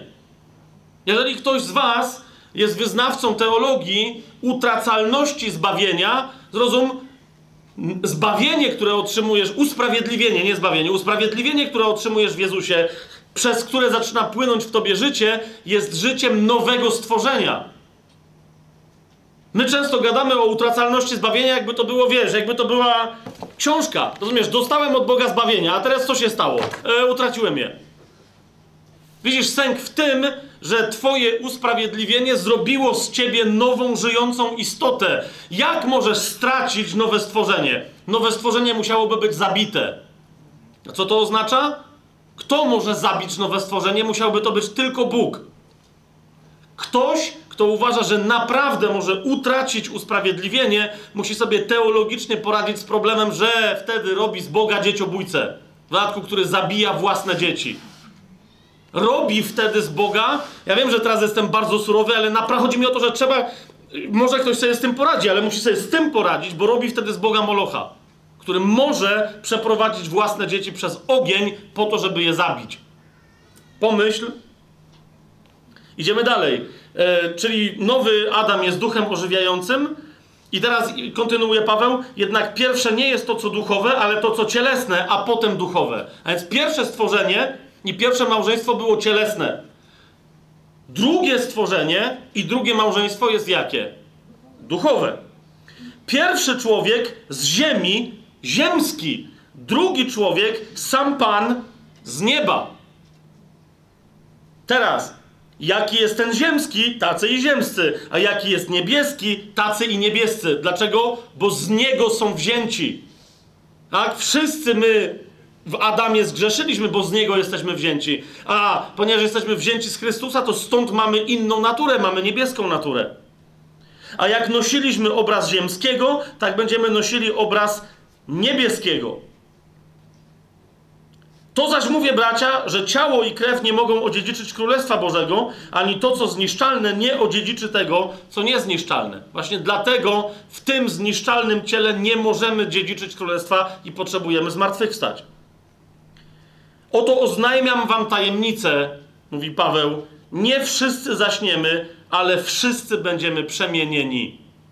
Ta przemiana będzie ujawnieniem się w całej jej pięknie i całej jej formie oblubienicy Chrystusa, którą, która jest wyjęta z jego boku. Swoją drogą, widzicie już, dlaczego bok Jezusa musiał być przebity? Z tej strony, z której Jachwę wyjął żebro Adamowi? Znaczy, ja się nie odnoszę, teraz nie miałem żadnego widzenia, żadnych obrazów, ale myślę, że to dokładnie był ten sam Bóg. Inni uzasadniają nawet, dlaczego to musiał być e, ten sam Bóg. W pierwszym do Koryntian, w, w 15 rozdziale, w 20 wersecie, w 22 wersecie, bo, po, bo tam dalej Paweł wraca tylko do tematu, on dokładnie tak o tym w prostych słowach mówi. To jest y, 15 rozdział, 22 werset, więc troszkę wcześniej musimy pod, podskoczyć. Jak bowiem w Adamie wszyscy umierają, tak też w Chrystusie wszyscy zostaną używieni. Ale każdy w swojej kolejności, Chrystus jako pierwszy plon, on już zmartwychwstał, potem ci, którzy należą do Chrystusa, zmartwychwstaną kiedy? W czasie Jego przyjścia. Amen? W liście do Efezjan czytamy, teraz to, co mówię, jest naprawdę niezwykle istotne dla zrozumienia małżeństwa. Okay? W liście do Efezjan w drugim yy, rozdziale, w dziesiątym wersecie, my się, wiecie, ekscytujemy zasadnie dobrze.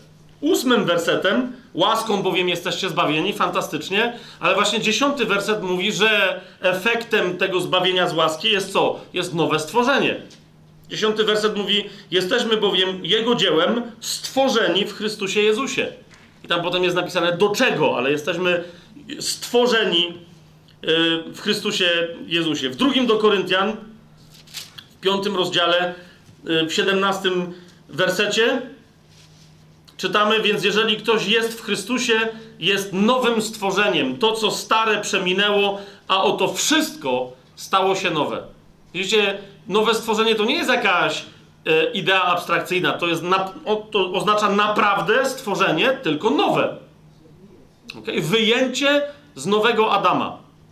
Nowy Adam przychodzi z nieba, więc on jest niestworzony, chyba że w sensie cielesnym pierwszego ciała, które zmartwychwstało, a my jesteśmy wyjmowani z niego. To będzie nasze zmartwychwstanie. On jest pierwszym plonem naszego zmartwychwstania. W liście do Kolosan trzecim rozdziale, chyba że, chyba w trzecim, tak, w trzecim rozdziale, a propos tego jest wyraźnie powiedziane, w dziewiątym i, i w dziesiątym wersecie, nie okłamujcie się wzajemnie, skoro zrzuciliście z siebie starego człowieka z jego uczynkami, a przyodzialiście się w nowego, który się odnawia w poznaniu na obraz tego, który go stworzył. E, nie będę wchodzić tu w ogóle w wątek poznania, ale to jest prawo, które ma mąż do żony, a żona do męża. W języku hebrajskim Adam poznał Ewę i ona poczęła syna. Wiecie, to jest intymne połączenie się i przenikanie się e, małżeńskie. No i wreszcie przejdźmy do listu do Efezjan, bo on jest w tej kwestii absolutnie jednoznaczny. List do Efezjan, 5 rozdział, 30 werset. Pamiętacie, jak wam powiedziałem, że niektórzy już może będą pamiętać, co powiedział Adam, jak zobaczył Ewę? To, jest, to są kości z moich kości i ciało z mojego ciała. Pamiętacie to? No to teraz zobaczcie Efezjan 5 rozdział 30 werset. Co mówi o Kościele o nas Paweł w odniesieniu do Chrystusa? My jesteśmy członkami Jego ciała, z ciała Jego i z kości Jego. To jest wyraźny cytat. My jesteśmy wyjęci z Chrystusa i dlatego jesteśmy Jego żoną. 32 werset. Tajemnica to wielka, ale ja mówię w odniesieniu do Chrystusa i Kościoła. Widzicie to?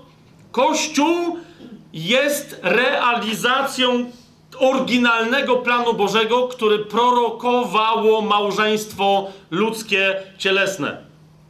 Teraz oryginalnie Bóg chciał, żeby wszyscy ludzie stali się Jego oblubienicą, która by wyszła za Jego Syna, ale problem polega na tym, że, yy, że, że żeśmy upadli. Tak? I, I dlatego można wejść w ten oryginalny zamysł Boży, wejść i stać się wspólnie z innymi żoną Syna Bożego, baranka, tylko i wyłącznie przez zaakceptowanie baranka. Nie, nie, nie, ma żadnej innej, nie ma żadnej innej przeszłości. Albo akceptujesz baranka i wtedy stajesz się wraz z innymi jego żoną, albo nie akceptujesz, no i wtedy wiesz, jakie jest wyjście. Nie ma żadnego trzeciego wyjścia. Rozumiecie o co chodzi? To jest wynik naszego oryginalnego grzechu. Bóg chciał tego dla wszystkich i nadal to jest bardzo istotne. Bóg chce tego dla wszystkich. Bóg chce, żeby wszyscy byli zbawieni i doszli do poznania e, prawdy. Widzicie, teraz co jest, co jest istotne? Jeżeli więc, jeżeli więc tylko w Chrystusie odnawia się oryginalny Boży plan, to muszę powiedzieć jedną, i to będzie pierwsza mocna kontrowersja być może dla niektórych, ale jedną bardzo istotną rzecz. Małżeństwo chrześcijańskie różni się istotnie od innych małżeństw, które nie mówię, że nie są małżeństwami, tego nie mówię, ale różni się od małżeństw innych niż małżeństwo chrześcijańskie. Dlaczego? Ponieważ realizując tę oryginalną wizję, żeby ją realizować, żeby być małżeństwem, tak jak Bóg od początku zamyślił dla Adama i Ewy, trzeba wejść w relację z Chrystusem. I powiedzcie mi, że nie. Zobaczcie na list do Efezjan, 5 rozdział, od 23 wersetu. Tak, jest, to jest opis, właśnie to jest to. E, skoro planem naszym jest stać się żoną Chrystusa, to nasze małżeństwa tu na ziemi muszą być właściwym proroctwem tego ostatecznego ziszczenia tego planu. I dlatego mówi Paweł, bo mąż jest głową żony, jak Chrystus głową Kościoła. Jest on też zbawicielem ciała. Widzicie to? Powiedz mi, jak może niewierzący w Chrystusa, który się nie narodził na nowo mąż, realizować taki plan dla małżeństwa? Rozumiecie, o co mi idzie? Więc powiedziałem, małżeństwo chrześcijańskie jest z punktu widzenia planu Bożego ewidentnie małżeństwem per se. Cała reszta jest, jest, jest kombinacją jakąś na temat małżeństwa alpejską. I możemy czytać dalej. Jest, jak więc Kościół poddany jest Chrystusowi, 24 werset, tak też żony swoim mężom we wszystkim. Jeżeli żona nie wie, co to jest Kościół i kto to jest Chrystus, to, to nie wie, jak ma być poddana tem, swojemu mężowi. Inna rzecz, że dzisiaj e, to jest dobre pytanie, czy chrześcijanki aby na pewno wiedzą, co to jest Kościół, a jest to świadczy też o naszym kościele. Jak, jak kobiety często mnie pytają, no patrzę na mój zbór, no i co? I, i, i co, co dokładnie to mi mówi o tym, jaką ja mam mieć relację z mężem? No to jeżeli tak wygląda twoja społeczność, to znaczy, że może nie powinna ona się nazywać górnolotnie kościołem skoro nie daje kobietom wzoru, jak się miłuje Chrystusa. Rozumiecie o co mi chodzi? Idziemy dalej. Mężowie, miłujcie swoje żony, jak Chrystus umiłował Kościół i wydał za niego samego siebie. Rozumiesz? To, jak czuje się kochana mężu twoja żona, świadczy o tym, czy cwaniakujesz, kiedy gadasz, że masz relację z Chrystusem, czy nie cwaniakujesz. Ponieważ Twoja żona zaświadczy, jaka jest Twoja relacja z Chrystusem. Bo jaką masz relację z Chrystusem, jak Chrystusa kochasz, tak ją kochasz. Jak kochasz Jego Kościół, tak ją kochasz. Jest to jasne? Co, co mówię? Po prostu małżeństwo jest przejrzystym znakiem. I o, oczywiście y, to samo się tyczy, y, to samo się tyczy żon, które mają mieć stosunek taki, jak Kościół powinien mieć wobec, y, wobec Chrystusa, bo są tak kochane, y, jak są kochane. Ja nawet tego nie będę rozwijał, ale widzicie to, tak? Małżeństwo nie realizuje oryginalnego planu Bożego, więc jeżeli nie jest małżeństwem zrodzonym w Chrystusie, a więc jeżeli nie jest małżeństwem chrześcijańskim. Amen? Mamy to? Jest taka teza? Ok. Pierwszy list do Koryntian otwieramy szybko. Tylko chcę wam na tą jedną rzecz zwrócić uwagę, kochani, bo e, tu się niektóre dogmaty zaczynają i doktryny i, i, i wszelkiego rodzaju cwaniactwa i mistrzostwa świata. Otóż, widzicie, z tej doktryny jasno wynika, że kto jest głową żony? Mąż. I nie ma żadnej innej relacji, w, którym, w której dowolny facet jest głową dowolnej kobiety. Rozumiecie o co mi chodzi? Pierwszy list do Koryntian, 11 rozdział, więc przypomnijcie sobie y, kłótnie i walki kościelne na temat tego fragmentu chociażby. 11 rozdział pierwszego do Koryntian, już wiecie, gdzie wyląduje. Trzeci werset. Chcę, żebyście wiedzieli, i mam takie tłumaczenie UBG, które uwielbiam, ale mam takie tłumaczenie, że głową każdego mężczyzny jest Chrystus, a głową kobiety mężczyzna. Serio? Serio? Bo oryginalnie te wyrazy, którymi tutaj posługuje się Paweł, oryginalnie powinny być tłumaczone jako mąż i żona. I teraz y, tylko w pewnych uzasadnionych przypadkach można je ogólnie stosować, że to jest mężczyzna albo kobieta.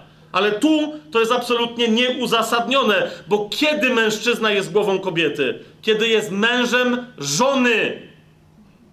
Rozumiesz o co mi idzie? Jeżeli ja jestem w jakimś zborze, w którym jakiś chłop się robi głową wszystkich kobiet, to ja tracę siebie jako głowę mojej żony. Rozumiecie o co mi chodzi? Więc każdemu chłopu mówię, człowieku, wara. Rozumiesz, w imieniu Jezusa masz w ryj. No, no, naprawdę.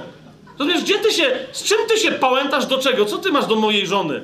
I teraz zauważ, zauważ, co się dzieje w tym fragmencie. Chcę, żebyście wiedzieli, że głową każdego męża jest Chrystus, a głową żony mąż a głową Chrystusa Bóg. Widzicie, co się dzieje? Że nagle kombinacje alpejskie, jeszcze raz powtórzę, na temat kościoła nagle się rozlatują?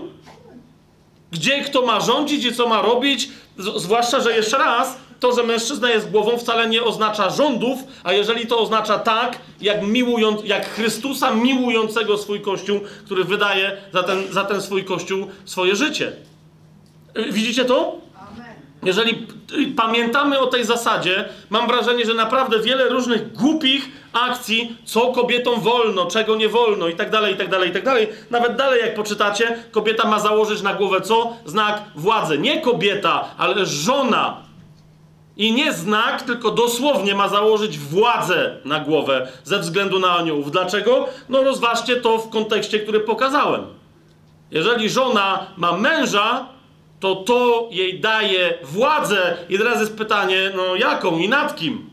Mm? Ja wiem, że tu są, wiecie, na, na sali i cieszę się katolicy, protestanci różnych nurtów, neo, pente, kostal i tak dalej, i tak dalej, wszystko gra, ale rozwa... Ro... jeszcze raz, może komuś to łamie jakieś tam, wiecie, koncepcje, rozważ to ze Słowem Bożym. Czy naprawdę Biblia w tych miejscach mówi o tym, o czym nam przez lata wielu mówiło, że to jest o tym. Baba ma milczeć w kościele, bo głupio gada, baba musi sobie nałożyć chustkę na głowę i tak dalej. Dobra, ale co, co z czym ma, co to ma jakiś związek? Z czym? Dlaczego? Chyba, że jest mowa o małżeństwie, to zauważ, jak tu się nagle wszystko zaczyna wyjaśniać. Się wszystko... ok, ale o tych zagadnieniach kobiety w kościele i tak dalej, to będę mówił w ramach regularnego... Yy, w ramach regularnego e, wykładu. Teraz, kochani, jak cytowałem Hebrajczyków 13:4, że małżeństwo ma być we, we, we czci u wszystkich, to ta postawa, która fragmenty na temat małżeństwa zaczyna przekombinowywać, że to są fragmenty w ogóle o władzy mężczyzn nad kobietami i w ogóle o jakichś takich dzikich rzeczach, po prostu to, to tego rodzaju e, kombinacje alpejskie, jeszcze raz się tym określeniem posłużę, są niestety nie okazywaniem czci oryginalnemu, wobec oryginalnego planu, planu małżeńskiego. Tego, jak Bóg pomyślał cielesne małżeństwo wiernych mu ludzi.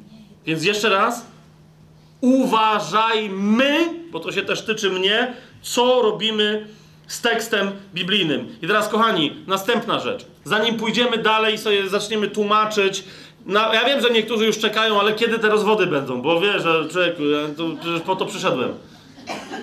Spokojnie. Jest jeszcze jedna w związku z tym bardzo istotna rzecz, kochani.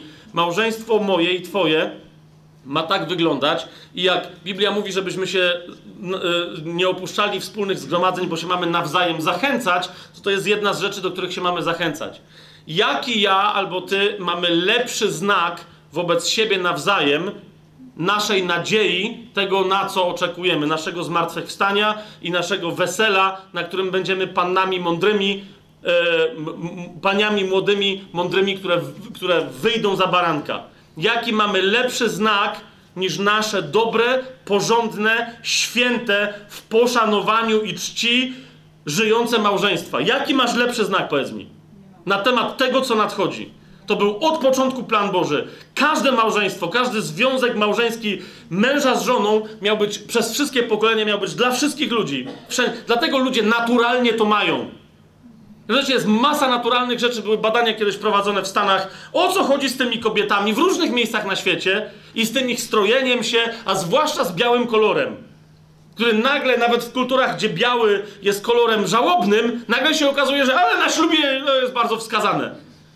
No powiedz mi, co, jeżeli nie to, że ludzkość ma w swoim DNA oryginalny Boży plan, że oblubienica ob, o, ubrana w biały len, bo tam nie ma, to, tam to nie jest bisior, tylko len, w biały len lśniący swoich sprawiedliwych uczynków w, wyjdzie do dnia, o którym marzyła przez wszystkie swoje pokolenia istnienia na ziemi. Wyjdzie do wesela z barankiem, zamieszka u niego i będzie wreszcie z nim mogła współżyć, bo na razie tylko o tym marzy, na razie chce mu być wierna, no ale chłop pojechał po tytuł królewski. A wtedy to będzie wreszcie to, rozumiesz? To jest to, co my na weselach kombinujemy. Rozumiecie, no... Ja zasadniczo, przez, wiecie, jako ksiądz katolicki yy, brałem udział w kilkuset ślubach. I za każdym razem widziałem, jak faceci nie wiedzą, o co chodzi. Znaczy, włącznie potem ze mną, tak? W sensie, o co w ogóle cała haja? Takie, wiesz, takie w sensie, no panowie, nie? Takie, no trzeba to przeżyć, zwłaszcza tacy, co, bo tu jest paru artystów na sali, ale tacy, co nie, nie są zaznajomieni ze sceną, to wszyscy się na mnie gapią w ogóle, co jest grane, okej. Okay. A panie wiedzą, o co chodzi. Właśnie to jest to. Rozumiesz, masz to proroctwo w swoim kodzie duchowym, genetycznym. Masz to. Masz to. Po prostu. I to jest to, wiecie, my wszyscy jesteśmy synami Bożymi, no fajnie, ale na końcu wszyscy będziemy żonami Bożymi. Także panowie, e, ja mam z tym trochę problem. Ale teraz druga bardzo istotna rzecz, musimy ją, po prostu musimy, wiecie, zanim pójdziemy gdziekolwiek dalej, kochani, po prostu jak się spotykamy na temat małżeństwa, ktoś mówi, kiedy będą te rozwody. Jeszcze raz, no ja najchętniej w ogóle bym nie podejmował tego tematu. Dlaczego? Ponieważ Naszym zadaniem, naszą misją, naszą radością, naszą dumą jest święte małżeństwo. Święte małżeństwo, po prostu. I teraz i ze względu na nas, żebyśmy w sobie nawzajem budowali nadzieję, ale też uważajcie, jako znak dla całego świata. Spójrzmy sobie pierwszy, yy, pierwszy list Piotra. Rozumiecie, to e, jeżeli my e, chcemy uderzyć do świata, nawracać tam ludzi, mieć przebudzenia i tak dalej, i tak a nie zadbamy o, o małżeństwa, dlatego, wiecie, ktoś mi mówi, naprawdę nie ma ciekawszych rzeczy, tylko poruszyć temat małżeństwa i, o, i po to jest cały, całodzienny event tajemnego planu? Ja nie wiem, czy jest coś naprawdę istotniejszego. Rozumiesz, bo, bo to jest znak, który ludzie mogą być niewierzący, ale oni to rozumieją. Oni mogą być cudzołożni i grzeszni i mogą się rozwodzić i rozumiesz, i coś tam cudować. Może, ale mają w sercach, rozumiesz, jak mu mówisz, wyobraź sobie szczęśliwe małżeństwo. Ona wyszła za niego, on się ożenił z nią. W młodości. Powiem wam historię. Y, tam, gdzie, nieważne kogo, tak, ale to, to, jest, to jest autentyk. Ja nie brałem w tym udziału. Y, ale jeden z ludzi, którzy kiedyś mi dosyć bliscy byli, ja go dalej lubię, ale on mnie chyba nie lubi. Mniejsza o to. Miał dziadków w rodzinie takich legendarnych. Cała rodzina zawsze się do nich, dziadków, pradziadków i dla, już dla niektórych tam, wszyscy zjeżdżali, to była zawsze sensacja. Wszyscy chcieli z nimi przebywać ponieważ uwielbiali, jak dziadki się kochają. Dziadki miały w okolicach osiemdziesiątki już, rozumiecie, i jak była Wigilia, Boże Narodzenie, tam jakieś święta, wiecie, klasyczna Polska, nawet nie powiem, jaki to jest region, bo wszyscy się zjeżdżali i zawsze tylko czekali, kiedy dziadki znikną. Bo wtedy było, wiecie, kto pierwszy ich znajdzie i oni zawsze jak znikali, tu wiecie, łamanie opłatkiem, tam jedzenie i, i babcia, czy dla niektórych prababcia, nawet praprababcia, nagle wie, ja muszę coś przynieść, to mówi, o, to ja ci pomogę i potem ich szukali, a oni w kuchni za piecem się całują. Rozumiecie? Jak takie po prostu takie nastolatki. To, ja, wiesz o co mi chodzi, no nie? I nie to, że potem wszyscy przylatywali, a tylko ktoś przybiegał i mówi, jest, tam się, a, tam się... Wszyscy byli podekscytowani, jak można żyć ze sobą parę dziesiąt lat i mieć taką świeżą...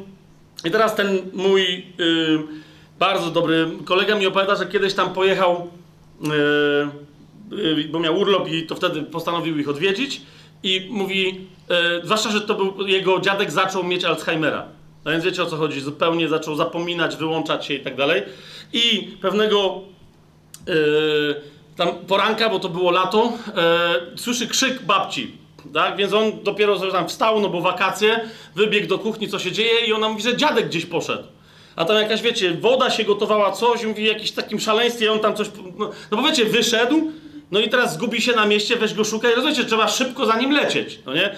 I mówi, że coś tam się w miarę poubierał, tam to nie była też wielka miejscowość, ale żeby gdzieś nie zaszedł nie wiadomo gdzie, podbiegł do drzwi, a w tym momencie drzwi się otwierają i za drzwiami stoi dziadek. Więc ten odetchnął mówi, okej, okay, no to czyli dziadek się nie zgubił, ale dziadek w ogóle się zdziwił, kto to stoi w drzwiach, rozumiecie? I takim dziarskim ruchem prawie, że go szczelił w łeb, po prostu go odsunął, nie? No i zejdź mi z drogi, nie? Idzie do babci, babcia tam odetchnęła, że okej, okay, a ten, rozumiecie, chłop wyszedł do ogródka po róże. Okej, okay? wyjął te róże z zanadrza, uklęknął i mówi, Basiu, nie znamy się długo, ale kocham cię całym moim sercem.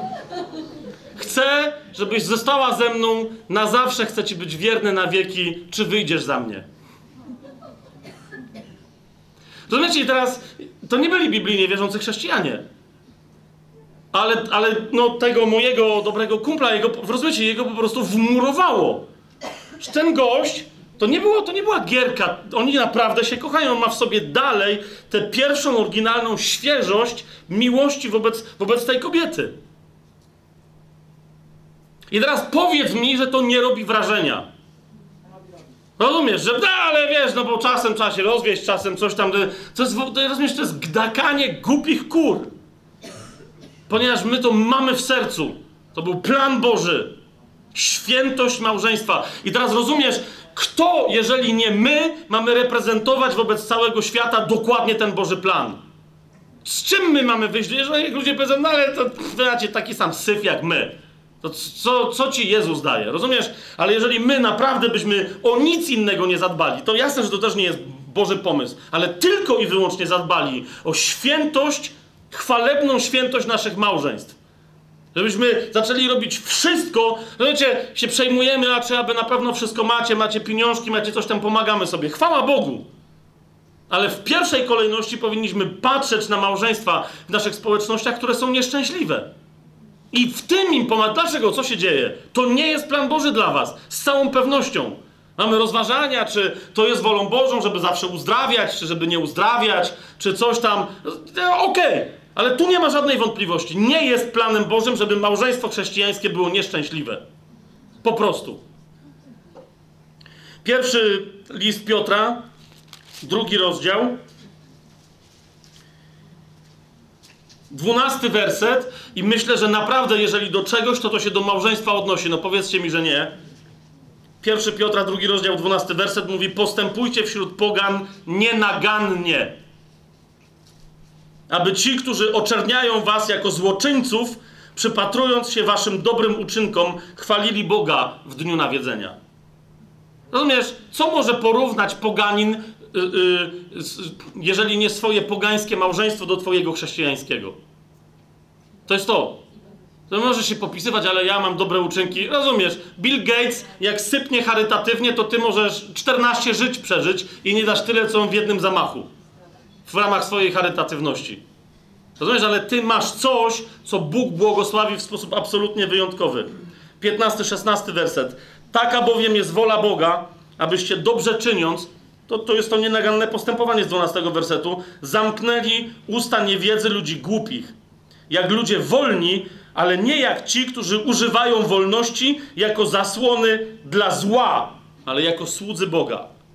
Dosyć mam, po prostu już mi się nawet nie chce rozmawiać nad ludźmi, którzy latają, mówią wolność, jesteśmy pod łaską, a potem, no to rozumiesz, no ale syf taki sam jak w świecie. No to jaka to jest wolność? Twoje gadanie, jeżeli jest tylko zasłoną dla zła? W dziewiętnastym wersecie Piotr mówi, to bowiem podoba się Bogu, jeżeli nawet ktoś znosi smutki ze względu na sumienie wobec Boga, cierpiąc niewinnie, bo ktoś mówi, no ale naprawdę w moim małżeństwie jest ciężka sytuacja, jest coś, ja chcę, Bogu wie, ale moja żona, która twierdziła, że jest wierząca, jest niewierząca i tak jeszcze raz. Nie poddawaj się. To, że jest trudno, no nie chodzi tylko o, rozumiesz, prześladowanie może przyjść od środka. Diabeł może zaatakować twoją żonę. Diabeł może zaatakować twojego męża. Cierpisz niesprawiedliwie, ja się z tym, yy, ja się z tym zgadzam, ale miej wzgląd na sumienie i cierp niewinnie. No inna rzecz, że niektórzy bardzo łatwo się robią niewinnymi, kiedy są winni. No tylko ta hetera, wiesz, zołza, świntucha. Jasne, ty zaś jesteś pieseczek, który się umył i zamienił w Feniksa. Pierwszy Piotra, trzeci rozdział, wersety od pierwszego do siódmego. Widzicie, to jest, zobaczcie co się tu dzieje. Bo, bo Paweł mówi naprawdę, mówi bądźcie nieskazitelni. I teraz do czego się odwołuje? No właśnie do małżeństwa. Podobnie żony, podobnie on się odwołuje do tego, o czym mówił w drugim rozdziale przed chwilą. I po, więc on mówi o co chodzi. Żony, bądźcie poddane swoim mężom i uważajcie, aby nawet ci, którzy nie wierzą słowu, przez postępowanie żon zostali pozyskani bez słowa. I, I słusznie ktoś zauważył, że nie chodzi tu tylko o to, że żona bez słowa może pozyskać męża, ale różnych, którzy patrzą na jej postępowanie wobec męża, które jest, bo wtedy, bo Bóg to namaszcza. Rozumiesz, i ona może nie głosić. Kapujesz? Że się naprawdę nie odezwać przy mężu i ludzie zaczynają pytać, skąd wy to macie? Widząc, drugi werset, wasze czyste, pełne bojaźni postępowanie. Niech waszą ozdobą nie będzie to, co zewnętrzne, i tak dalej, i tak dalej. Na końcu jest ta uwaga, o której mówiłem do, do mężów. Podobnie wy, mężowie, żyjcie z nimi, czyli z żonami, umiejętnie, okazując im szacunek jako słabszemu. Tu jest bardziej określenie bardziej podatnemu na zranienie albo na zniszczenie, naczyniu kobiecemu. I jako tym, które, kolejne niezwykle istotne słowo, jako tym, które współdziedziczą łaskę życia z wami, aby wasze modlitwy nie doznały przeszkód. Widzisz, jeżeli żyjesz samotnie, nie masz, współdziedziczysz tylko z całym Kościołem, ale to nie jest współdziedziczenie w takim sensie, jak Piotr tu mówi, mówi, ty masz łaskę i masz dziedzictwo, i współdziedziczysz razem z żoną. Jak robisz jej krzywdę, to naruszasz dziedzictwo i odwrotnie, żono wobec męża. W małżeństwie pomnażacie łaskę tego dziedzictwa albo ją zaprzepaszczacie, bo współdziedziczycie. Nie chcę tego dalej rozwijać, ale myślę, że intuicyjnie czujecie o co chodzi. Tak? Jest naprawdę to nie jest ten tradycyjny taki chłop ma dać babie w łeb, baba ma słuchać. To jest chrześcijańskie małżeństwo. O, nie wiem z której strony. Nie wiem z której strony, bo takie zachowanie jedyne do czego prowadzi, to że mężczyźni się o coś modlą i są niewysłuchiwani. I potem sobie wymyślają teologię, dlaczego są niewysłuchiwani i tłumaczą, jak to Bóg jest suwerenny w swoich działaniach, a to nie chodzi o suwerenność Boga, chodzi o twoje traktowanie żony. E, tak po prostu. Hamsko, co? No nie. Hamskie to to jest wobec, Bo wobec Boga. Że mu się gębę robi na podstawie swoich własnych błędów. I na koniec 1 Piotra, czwarty rozdział.